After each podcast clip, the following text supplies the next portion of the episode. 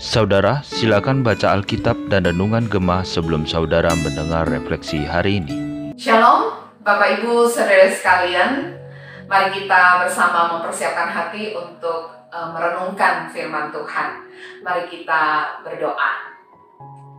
Tuhan, terima kasih buat kesempatan pada hari ini kami boleh datang mendekat kepada Tuhan. Mohon Tuhan memberkati kami dengan firman-Mu boleh menolong kami di dalam menjalani kehidupan hari ini. Terpujilah Tuhan, kami bersyukur berdoa bersama di dalam nama Tuhan kami, Yesus Kristus. Amin.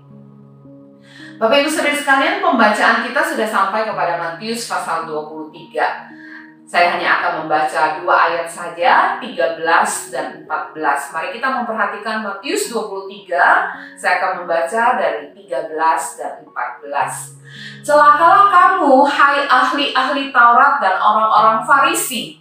Hai kamu orang-orang munafik, karena kamu menutup pintu-pintu kerajaan sorga di depan orang.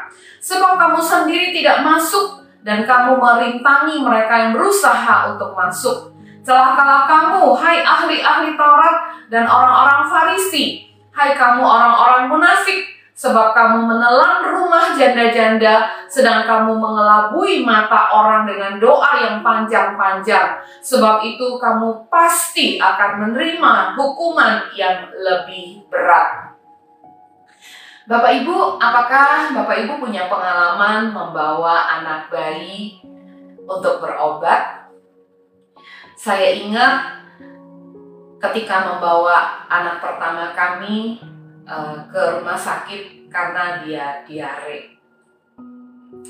Itu pengalaman pertama saya menyaksikan anak saya dipegangi tangannya dan akhirnya saya juga ikutan memegang tangannya untuk dimasukkan uh, jarum infus. Mungkin dalam pikiran anak saya apa yang terjadi sama mama saya yang selama ini baik. Kenapa dia sekarang bersama dengan orang-orang asing ini menyakiti saya? Anak saya tidak tahu bahwa di dalam hati saya, saya bahkan rela menggantikan dia.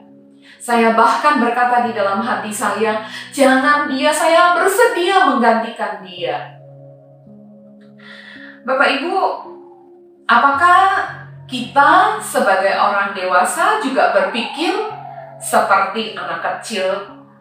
Kalau saya ini adalah mama yang jahat karena bersekongkol dengan orang-orang jahat untuk menyakiti anak saya?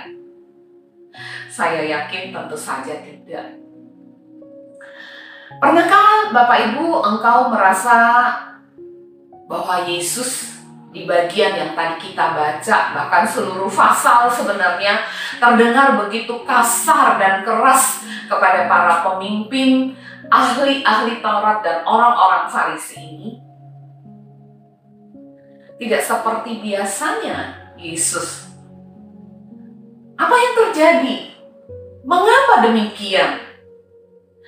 Bapak, Bapak Ibu saudara sekalian, Yesus tidak tiba-tiba marah dan keras kepada para pemimpin agama Yahudi ini.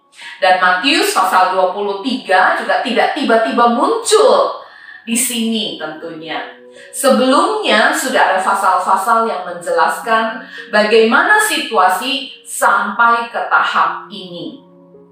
Matius di awal Injilnya menjelaskan kepada kita ketika selesai mendengarkan pengajaran Yesus, orang-orang berespon dengan begitu baik dan mereka mengatakan, "Wah, orang ini mengajar tidak seperti ahli-ahli Taurat kita."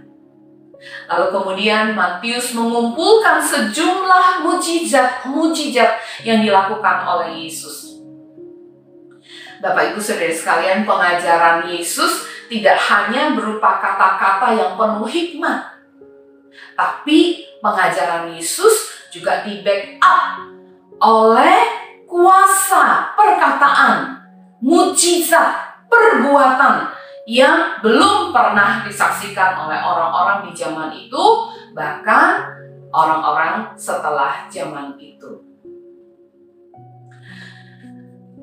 Tapi meskipun demikian, bagaimana respon dan reaksi para pemimpin agama Yahudi? Di puncak perayaan akan Sang Mesias yang datang penuh kuasa dalam perkataan dan perbuatan mujizatnya. Para pemimpin agama Yahudi ini bukannya percaya kepada Yesus, malah mereka menuduhkan sesuatu yang sangat keji kepada Yesus. Mereka mengatakan bahwa Yesus ini mengusir setan dengan kuasa penghulu setan.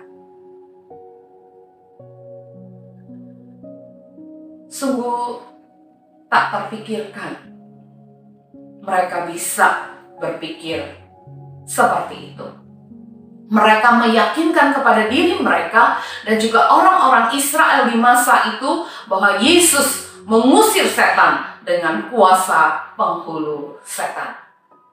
Matius memberitahukan kepada kita bahwa setelah kejadian itu mereka masih terus membuntuti dan mencari berbagai kesempatan untuk menjatuhkan Yesus dengan berbagai macam pertanyaan untuk menjebak Tuhan Yesus. Setelah melihat bukti pengajaran dan hidup dan mujizat Yesus di depan mata mereka sendiri. Mereka tetap menutup pintu hatinya bagi Yesus. Bukan saja demikian, mereka bahkan menyebabkan orang-orang di bawah pimpinan mereka mengikuti jejak mereka, sehingga pemberitaan Injil terhalang oleh kekerasan hati mereka yang menyebabkan orang-orang lain juga menjauh dari tawaran keselamatan kerajaan Allah yang dibawa oleh Yesus. Para penulis Injil memberitahukan kepada kita bahwa orang-orang Israel jadi terbagi. Ada yang mengatakan Yesus ini adalah utusan Allah tapi banyak juga seperti para pemimpin agama mereka, yang kemudian tidak percaya kepada Yesus. Karena para pemimpin agama mereka tidak mengarahkan yang seharusnya buat mereka. Bapak Ibu Saudara sekalian, seperti jarum infus yang disuntikan itu sangat menyakiti anak bayi mana pun juga. Tapi itulah yang dibutuhkan di saat itu. Yesus dengan terus terang berkata kepada para pemimpin agama ini supaya mereka menyadari keadaan mereka dan berbalik untuk percaya kepada Yesus. Karena itu setelah pasal ini kita menemukan Yesus menangisi Yerusalem. Yerusalem, Yerusalem. Andai engkau tahu apa yang engkau butuhkan bagi damai sejahtera.